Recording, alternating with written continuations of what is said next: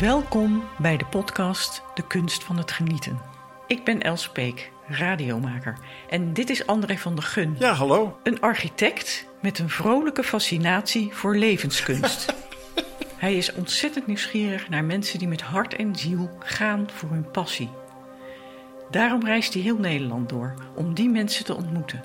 En omdat hij hun verhalen graag met iedereen wil delen, reis ik met hem mee. We treffen elkaar bij Bagels Beans, de vrijplaats voor koffie, bagels en geluk en sponsor van deze podcast.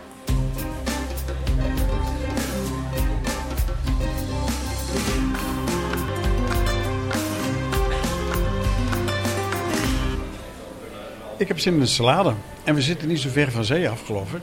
Wilde zalm, avocado, komkommer en zontomaatjes. Ik heb wel zin in iets met yoghurt. Ik ga zo nog even kijken. Maar vertel eerst even waar we naartoe gaan. We gaan zo meteen naar Joke Hermsen. Uh, zij is filosoof en schrijft over de tijd. Ze is gefascineerd door het onderwerp tijd. En met name tussentijd. Zij zegt tussentijd bestaat eigenlijk niet. Maar het biedt wel troost. Dat fascineert me.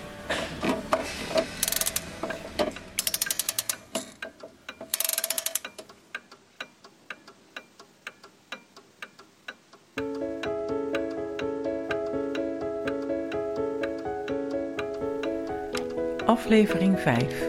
Stilstaan en beleven.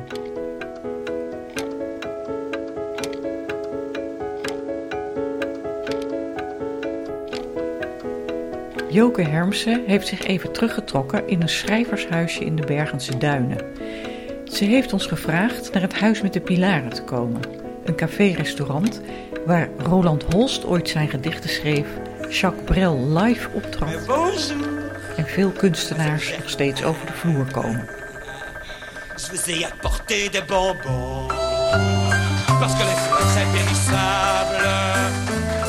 Het is een prachtig monumentaal pand uit 1787. Een inspirerende plek om te filosoferen over tijd, melancholie en kunst. Ik teken voor mijn beroep. Hè? Mhm. En tekenen met de potlood en stiften is een tijd afleggen. En die tijd gebruik ik om dingen te bedenken. Gaat het in het proces van schrijven ook zo? Schrijf jij vanuit je hoofd, met je hand? Hoe gebruik je die tijd? Ja, ja, ja het, is een, het is een verschil. Tussen met de hand schrijven of op een ehm, laptop werken. En ik schrijf altijd eerst met de hand. Dus bijvoorbeeld voor de laatste roman heb ik zo'n twaalf schriften de afgelopen vijf jaar volgeschreven. Ik weet het zo goed, omdat ik ze namelijk net genummerd heb en opgeruimd heb. Want ik mocht ze eindelijk opruimen. Dan uh, komen ze in een speciale doos en dan gaan ze in het archief. En, uh, ik werk dus eerst fragmenten uit in het schrift met de vulpen. Ik maak er ook aantekeningen van thema's of andere boeken die me geïnspireerd hebben, of muziek of kunst. Het komt allemaal in die schriften. En dan op een zeker moment ga ik aan hoofdstuk werken. En maak ik het begin nog steeds in het schrift. En als het er eenmaal in de stijger staat, dan ga ik naar de laptop. Dus ja, bijna, mijn, mijn, mijn schriften zijn eigenlijk meer schetsboeken. Oké, maar het is wel de tijd die je gebruikt waar je creativiteit in groeit. Waar je bijvoorbeeld, als je melancholie beschrijft, mhm. melancholisch probeert mee te dromen en mee, jezelf mee te laten nemen om te kunnen schrijven. Ja, zeker. Het is een andere tijd, het is, het is een andere houding, het is ook bijna een sensitiever ervaring om met een vulpen op papier te, te krassen, als het ware. Er komt veel meer zintuigelijke ervaring bij vrij dan bij het tikken op een toetsenbord. En ook dat kan nieuwe ideeën geven of kan een bepaalde intuïtie voor iets aanscherpen. En uh, dus vandaar dat ik uh, nog altijd beide, nou ja, beide media gebruik. Ja. Jij gebruikt het begrip tussentijd. Wat is eigenlijk tussentijd? Ja, dat is gelijk een hele, ja. uh, een hele complexe vraag. Ja, precies. Ja. De tussentijd dat is een begrip wat ik eigenlijk al in stilde tijd, mijn eerste boek over de tijd, heb gelanceerd. Maar toen vervolgens in Kairos, het vervolg op stilde tijd, helemaal uitgewerkt. Aan de hand van dit Griekse begrip van de tijd kairotische tijd. En die kairos was eigenlijk een kleinzoon van Chronos. En Chronos is de chronologische tijd, oftewel de, de kloktijd. Maar Kairos is zijn rebelse kleinzoon en die zorgt voor die ervaring van tussentijd. Oftewel de ervaring van een intermezzo. In het woord inter, dat betekent tussen, intermezzo, interval. In beide woorden zit dat, dat, dat tussentijds. En het betekent niets anders, op zijn allereenvoudigst uitgedrukt, dan dat je op dat moment eigenlijk het tikken van de klok vergeten bent. Oftewel ook het voortrazen van de klok en het opjagende van die kloktijd. Dus elke keer als je nou ja, aan het dagdromen bent, van het tekenen of aan het musiceren of wandelen, mediteren, schrijven, of gewoon voor je uit aan het staren en je bent die klok vergeten, dan zit je eigenlijk in die tussentijd. Ja, ja. Maar verveling is, is ook een tijd. En wat is dan de functie van zo'n verveling? Is dat verloren tijd? Nou, nee, kijk, het is, ik, ik, binnen de filosofie maken we eigenlijk een onderscheid tussen twee verschillende vormen van verveling. Het is nooit eenvoudig in de filosofie, hè? Dus, dus ook daar zijn weer twee verschillende vormen. En de ene vorm van verveling is eigenlijk een verveling waarin je tegen je eigen wil in wordt gebracht. Bijvoorbeeld als je de trein gemist hebt. Je komt net aanlopen het perron en daar rijdt hij voor je neus weg. En je moet een uur wachten op de volgende. En die verveling is niet vruchtbaar. Integendeel, die verveling blijft juist heel erg aan die chronos gebonden. En je blijft maar op je klokje kijken. Nou, tien minuten pas voorbij, een half uur pas voorbij. Dus die is niet inspirerend, die is niet ontspannend, die is ook niet creatief, zoals die andere vorm van verveling daar kies je zelf voor. Dus dan bijvoorbeeld besluit je om op een middag eens helemaal niets te doen. Om gewoon op die bank te gaan zitten of op bed te gaan liggen of uit het raam te staren.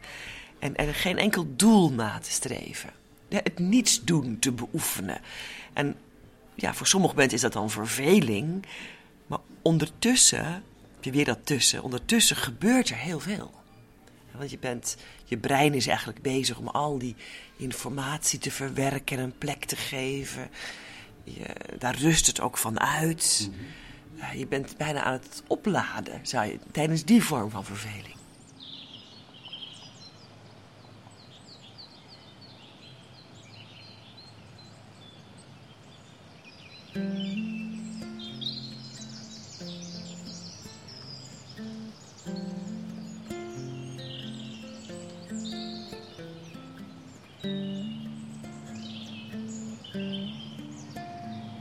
Ik ga even terug naar die verveling.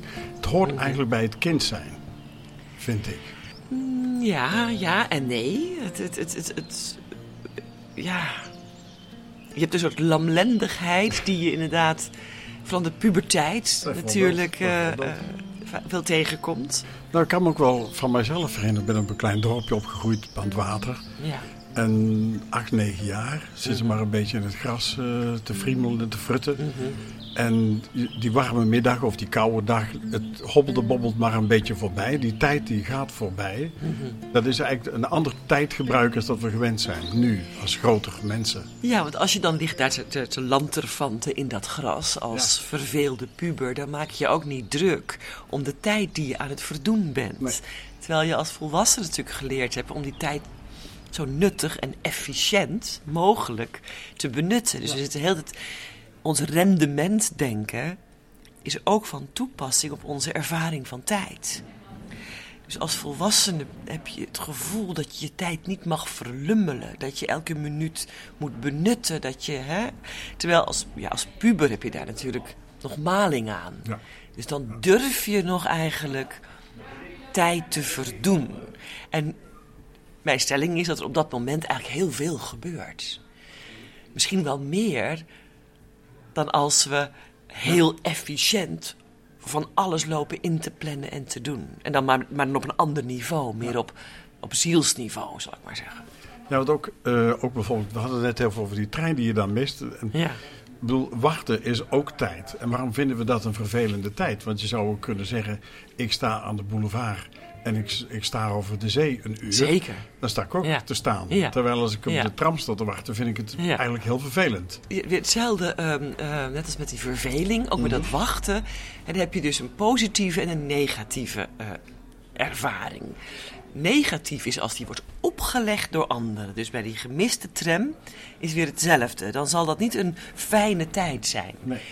Maar aan de andere kant, ehm, als je durft te wachten in de zin van dat je niet de hele tijd eh, actief en nuttig en rendabel loopt te zijn, maar af en toe een pas op de plaats durft te maken, dan kom je in, die, in dat wachten terecht wat eigenlijk een hele mooie aandacht en verwondering voor alles oplevert. In het Frans, ik maak het ezelsbruggetje heel vaak, zie je dat al goed terug, omdat het woord, werkwoord wachten is attendre. Ja.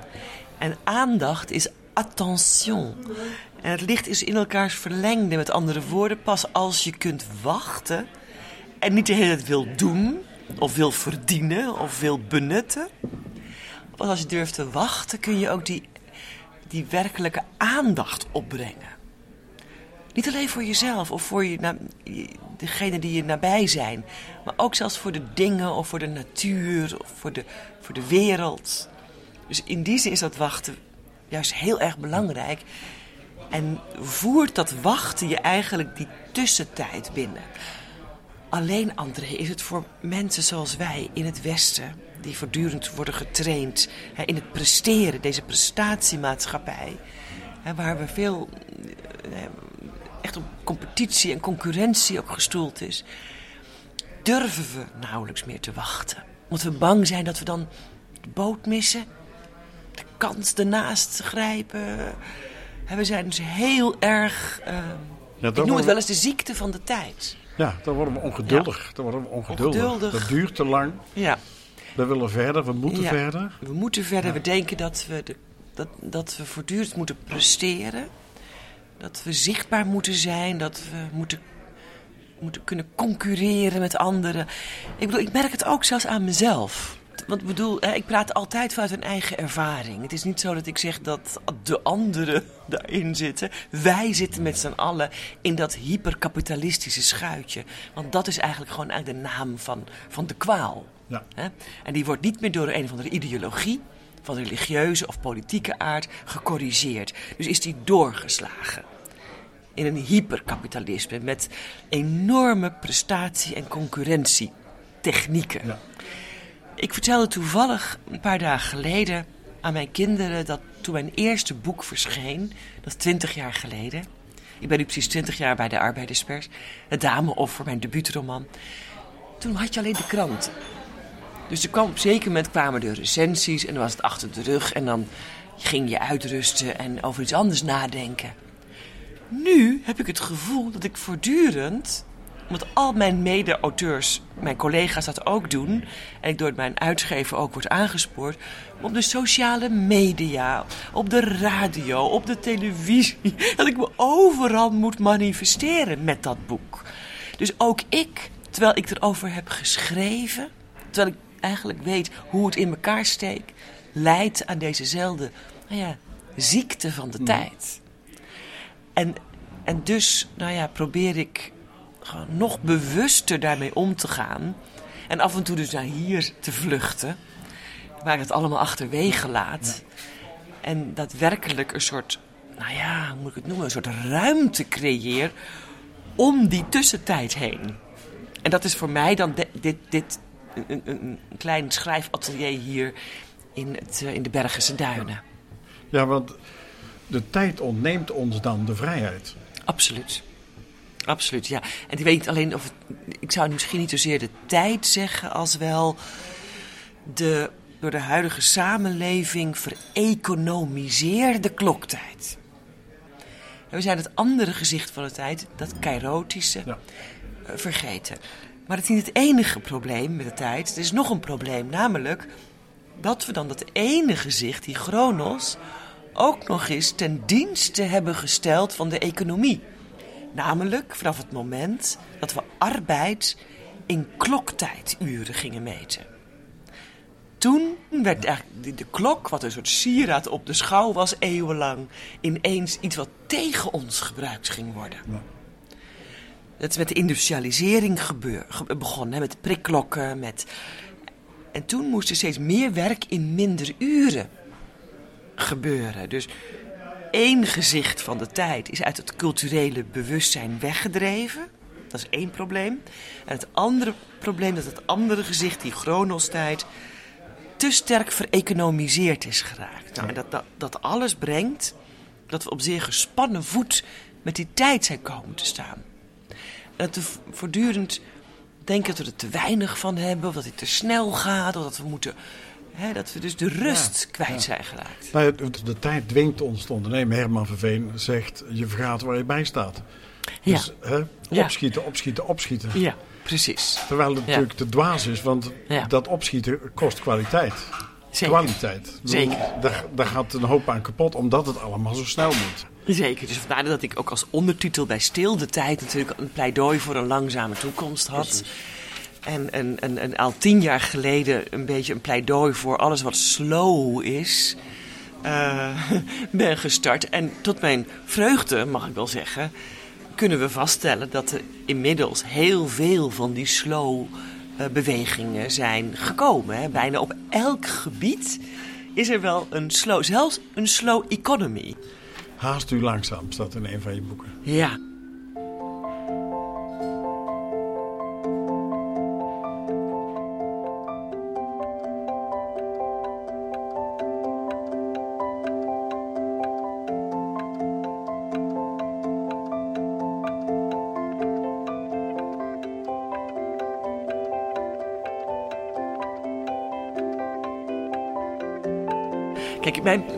Is eigenlijk in die essays over de tijd om filosofisch te laten zien hoe we over de tijd kunnen nadenken.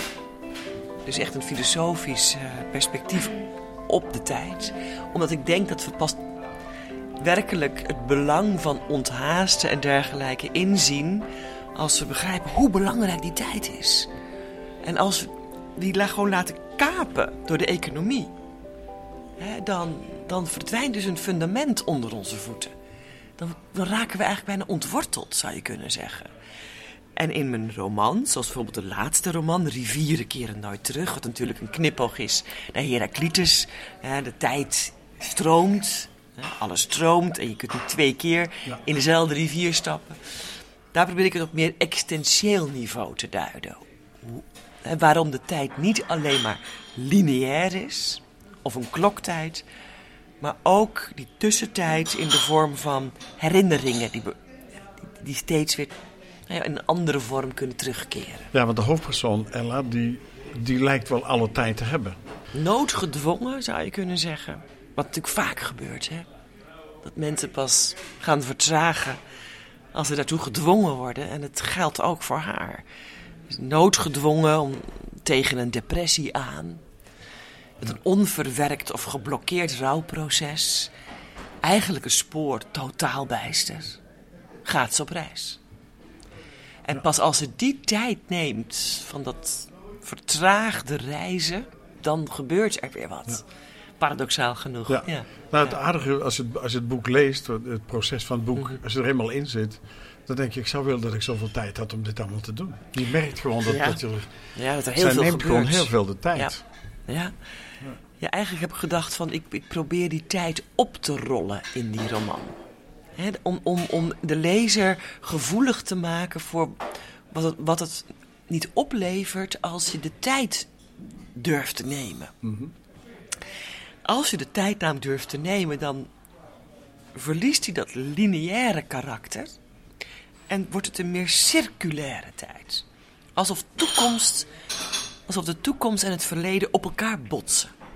En daaruit het nieuwe moment ontstaat. Bijvoorbeeld als je een herinnering te binnen schiet. Want op dat moment wordt het verleden geactualiseerd. Is het verleden van de vroege kindertijd, zoals in haar geval, ineens weer nu. Dus dan, hè, wordt er een zwieper aan de tijd gegeven. Die wordt eigenlijk meer oosters van aard. Waarin het vooral van belang is om om die te doorleven. Die herinneringen toe te laten daar een verhouding en ook een verhaal aan te geven. Om weer, ja, eigenlijk te ontdekken wie je bent. Ja. In haar geval, hè? Ja, want op die manier maakt de tijd je natuurlijk ook melancholisch. Ja. Het sleept je mee Ja. in je verleden. Je, je, je- landt een beetje in jezelf. Eh, Mhm. je bent geneigd er zelf verdrietig van te worden of niet. Of jezelf Mhm. plezier te geven of Mhm. niet. Maar het neemt je mee in, de- in de melancholie eigenlijk. Hè? Ja, nou, ik, in, het, in het laatste essay, Melancholie van de Onrust, heb ik eigenlijk geprobeerd om een verhaal te vertellen over die melancholie die ons natuurlijk al sinds de oudheid, sinds Aristoteles bezighoudt. Wij zijn weemoedige wezens, wij mensen. Waarom? Omdat we besef hebben van verlies en vergankelijkheid. Wij kunnen nadenken over onze eigen sterfelijkheid. We weten dat er een eind aankomt op zeker moment. Ja. En dat doet iets met ons. En dat stemt weemoedig. Maar behalve dat verliezen we ook bepaalde ervaringen uit onze kindertijd. Laat ik in het boek zien. hè, We verliezen die verwondering. Dat kunnen opgaan in het spel, in het moment. Dat, dat, dat je verbonden weten met alles wat je omringt. Zoals het hele jonge kind. En die denkt dat die geen onderscheid maakt tussen zichzelf en een ander. Nou, dat verliezen we allemaal zo, als we een, een zelfstandig individu worden. Eh, Dan scheiden we ons eigenlijk af van de anderen. Of zoals Ja. Rielke dat zo mooi zegt. Ja, Dan komen we, ja, ja. dan komen we tegenover de wereld te staan. Ja. Nou, en vanaf dat moment zijn we weemoedig geweest. Zijn Ja. in meer of mindere mate. En gaan we proberen om die weemoed in de liefde, in de kunst, in ontmoetingen, in het werk, in de muziek een plek te geven. Je moet een periode op deze wereld zijn. Ik heb die vraag gesteld aan Karel Kraaihoff. Ja. Van wanneer kun je nou tango dansen? Ja. Wanneer kun je nou Ja. tango spelen? Ja. Dat kun je doen als je een liefde verloren hebt. Als je ruzie met kinderen hebt gehad. eh, nou ja, Als je weet wat verlies en vergankelijkheid is. dus dat is er wel bij nodig. Dan. Zeker, dat is er wel voor nodig. Maar geldt dat ook voor de kunst? Want in het boek schrijf je... Eh, melancholie en kunst kunnen niet, niet zonder elkaar. Het een heeft het ander nodig. Eh, wil dat dan ook zeggen dat een jonge kunstenaar... zie ik dan andere kunst ontstaan in zijn ontwikkeling... als hij dat proces doorgaat? Zie Ja, je dat ligt, zo? het ligt net iets anders. Oké. Het is eigenlijk, ehm, ehm, tenminste, dat, ik denk, dat denk ik op dit moment. Ik denk op dit moment dat die, dat die melancholie een plek gegeven kan worden in de kunst, in de ervaring van kunst. Mhm, Dus als we naar Bach luisteren, of als we naar Rothko kijken, of als we een mooi boek lezen, of als we poëzie eh, horen, hè, dan, dan komen we eigenlijk thuis in onze melancholie. Dan is het niet meer iets dat ons angst aanjaagt of depressief maakt, maar die mag er dan zijn en dan wordt het verdriet met een glimlach, zoals Italo Calvino zo mooi beschrijft. hè. Of de happiness to be sad. Maar dat is, dat is een andere vorm Dat is de esthetische ervaring. Ja. Dat wil niet zeggen dat alle kunst alleen maar uit de melancholie voortkomt. Nee. Dat geloof ik namelijk niet. Ik denk ook dat er een esthetisch smaakoordeel verschillend is bij mensen. Ja, dat sommigen zich iets meer aangetrokken voelen tot die, nou, bijvoorbeeld die passiemuziek van Bach. En anderen liever een iets vrolijker deun horen. Ja. Hè, dat, dat- dus dat, daar wil ik geen uitspraak over doen. Maar ehm, wat, hoe zegt Aristoteles nou precies? Waarom zijn al die mensen van uitzonderlijke aard, politici, wetenschappers en kunstenaars, vaak ook melancholici? Dat is wat Aristoteles. nou ja, goed. Die vraag heb ik proberen te beantwoorden Ja. in, eh, in het essay. Ja. Ja. Ja. Nou, het gevaar is dat we die melancholie geen plek meer mogen geven in deze, in deze tijd. Dat is een beetje mijn zorg. Nou, ik vind hem soms ook wel heel Ja. moeilijk. Want als ik Ja. kijk bijvoorbeeld naar... Dat is een iets andere vorm van tijd. Maar naar Hopper. schilderij van zeker. Hopper kijk. Ja. Dan, zit, Ja. dan weet ik daar zelf niet zo goed raad mee. Want daar word ik dan melancholisch van. Ja. Maar het, het is een vorm van verstilling. Ja. Ik weet niet goed hoe, dat ik, daar, hoe dat ik dat voor mijzelf een goede plek moet geven. Ja. Zijn werken bijvoorbeeld. Het is Ik een ander soort het. Ja. dan de, Klopt. de luchten van onze oude meesters of zo. Ja, ja. Ja, Hopper weet natuurlijk de verlatenheid ook heel goed eh, Ja. neer te zetten. Of misschien moet je wel zeggen bijna in te peperen. Dus die eenzaamheid. hè. Ja. Ik heb het, we hebben het over de melancholie. Maar dat is niet het enige wat ons mensen typeert. Hè. Wij eh, zijn ook heel bewust van verlatenheid. hè. We worden natuurlijk allemaal op zeker moment toch verlaten. Helemaal in het begin door die moeder en vader. Ja, het Ja. zit niks anders op. Je zult apart als eh, mens, ehm, als individu op eigen benen moeten staan. Dus je, hè, je, je, je ligt op een zeker moment in dat bedje in die kinderkamer. En je hoort dat het beneden het, het, het groezemoes nog doorgaat. En er komt niemand naar je kijken omdat het dat even vergeten is. En dan weet je precies wat het is om die verlatenheid te ervaren. Nou ja, en dat gaat natuurlijk, dat, dat, dat neemt toe. In Ja. de liefde worden we daarna ook weer verlaten. Of we verlaten zelf. En ik weet niet wat erger is. Maar we, we, we kennen de eenzaamheid. Ja. Bovenop de Ja. melancholie. En, en Hopper doet het allebei. Hij, hij, hij neemt ons in een, in, een, in een melancholiek universum mee waar, ja, waar je eigenlijk denkt toch bijna aan de woorden van, ja, ik kan het niet anders verwoorden, aan de woorden van Jezus aan het kruis. Hè? Mijn God, mijn God, waarom heeft u mij verlaten? Ja. En dat, zijn natuurlijk de, dat, dat is de diepste christelijke waarheid, hoewel ik niet christelijk ben. Nee, maar herkent het Maar gevoel. d- die zin, dat, Ja. dat is de, het wezenskenmerk van ons bestaan. Ja. Waarom heeft u mij verlaten? Nou, en kijk, het is ook mooi, hè, want in die zin, het- daar schuilt ook een op. Dat zie je aan Hopper, hoe mooi die schilderijen zijn. Dus er schuilt ook een oproep om iets daarmee te doen. Om een mooi programma te maken, een, een mooi boek. Ja, het, het, het vertelt een verhaal zonder dat het een verhaal is. Als je naar Dali kijkt, naar ja, zijn schilderijen dan. Mhm. Daar zit ook een, een, een enorme vlaktes en een verstillingen in. En een ruimtelijkheid die je niet Mhm. kunt bevatten. Maar die vertelt een verhaal in zijn schilderij. En Hopper vertelt eigenlijk, die laat jou het verhaal zelf maken. Zo Ja. voel ik dat. Ja, het is, er zit een groot verschil. Het is moeilijk altijd om dat te benoemen, hè? Ja, Maar ja. ik zou het eigenlijk dat zeggen. Ik ik vind dat je het heel, heel mooi omschrijft. Misschien kun je er nog aan toevoegen dat Hopper ons eigenlijk de ervaring toont. En Dali toch iets meer in het conceptuele idee ons vertelt. Ja. Ja. Dat, hè, dat zijn hele intelligente, hele slimme, hele leuke conceptuele ideeën die hij op dat doek tovert, Dali. Maar ook in zijn huizen en in zijn hele... Hè. Ja.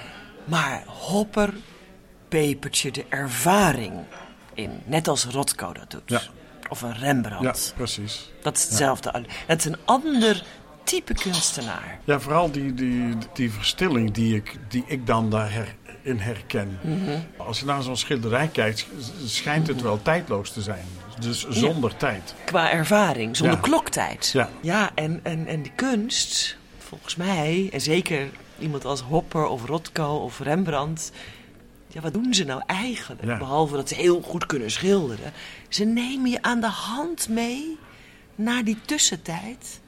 Waar die kloktijd niet meer heerst. En waar je dus een kloktijdloze ervaring van zijn hebt. En die ervaring delen we met nou ja, mensen van andere tijden en andere culturen. Daarom snap ik een Rembrandt. Maar daarom snap ik ook iemand uit Marokko. Dat is wat ons mensen verbindt. Buiten de kloktijd en onze eigen cultuur om. Dat is meer zielentijd, zou je kunnen zeggen.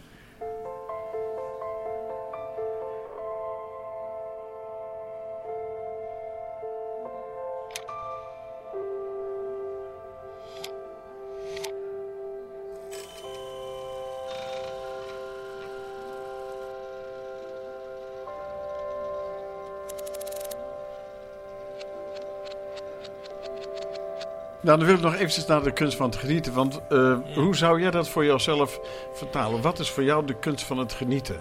Als je Ah, dat ja, zo vraagt. ik vind dat een moeilijk, moeilijk dat is een hele lastige vraag. Ja. Ja. Ik vind dat we in een wat doorgeslagen hedonistische samenleving terecht zijn gekomen. Die volgens mij ook weer met het neoliberale model eh, te maken heeft. Hè? Van we moeten nog meer genieten in de zin van nog meer consumeren. We zouden toch ook kunnen proberen met z'n allen om ietsje minder te consumeren. En het, het, het genieten misschien op een eenvoudiger manier te zoeken in het voeren van een echt gesprek. Er hoeft geen consumptieartikel aan te pas te komen. Of een wandeling te maken. eh, Of een goed boek te lezen. Nou ja, dat is wel fijn als dat boek dan wel wordt aangeschaft natuurlijk. En niet illegaal wordt gekopieerd. maar ja, een boek is toch geen consumptieartikel. Nee? Een, nee. boek, een boek moet ondersteund worden. Lees, lees veel boeken, mensen. Want dat Ja. maakt ons allemaal gelukkiger. Ja. Ja, maar ik- ik bedoel natuurlijk ook de kunst van genieten zoals jij het zegt. Het is juist de kunst om te genieten. Want de boodschap van geniet ervan, ja, daar is denk ik geen kunst aan. Dan, dan is er geen kunst aan. Het gaat er Ja. juist om dat je de Ja. weg zoekt Ja. die bij jou past. Die bij jou hoort of bij jullie hoort. Ja. En hoe, hoe doe je dat bij jou? Je komt hier naartoe om te gaan schrijven. Je zondert je af. Je geniet van het feit dat je hier bent, denk ik. Dat je hier werkt. Dat je de ruimte en de tijd krijgt om te werken en te doen. Je kunt hier van hieruit makkelijk naar buiten. Zeker. Je kunt naar de zee. Je, kunt, je kunt jezelf helemaal vol laten stromen. Je kunt helemaal overlopen. Ja. Die vorm van genieten zoek ik eigenlijk. Ja. Ja, en toch protesteer ik. ja, of protesteer ik. Laat ik het zo zeggen, toch herken ik mijzelf niet zo in dat woord. Ik verwonder mij over de schoonheid van bijvoorbeeld vanmiddag de, de ondergaande zon en die heldere hemel die hier boven de duinen hing. Maar het is bijna een, een, een verwondering die pijn doet, omdat die zo mooi is. Terwijl het genieten heeft toch voor mij een, een wat plattere. ehm, ehm, ik, misschien dat ik daarom protesteer. En dat ik eigenlijk de kunst van het ervaren zou voor mij een heel mooi eh, vervangend begrip zijn. Ja. Want ik denk dat we veel te veel aan het meten en hebben en genieten zijn en veel te weinig aan het ervaren. Dat iets werkelijk binnenkomt. En dat je er ook niet meteen weer overheen stapt. Dat iets binnenkomt en dat je daartoe verhoudt. Dat je het serieus neemt. Ik pleit ook in mijn werk voor een New Sincerity. Dat is een nieuwe kunstgroep. Ik denk dat het tijd is voor een nieuwe ernst. Hoewel ik ook erg eh, van lachen hou. Maar toch zou ik hem daar een pleidooi voor willen houden.